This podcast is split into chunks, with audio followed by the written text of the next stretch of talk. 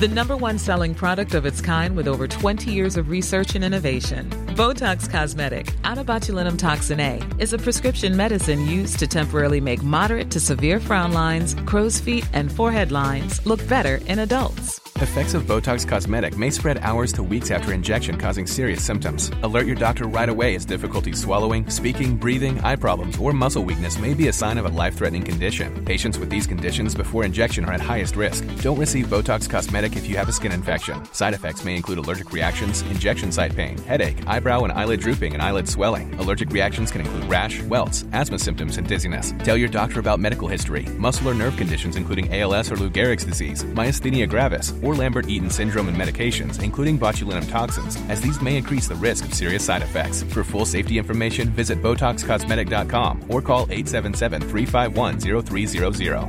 See for yourself at BotoxCosmetic.com.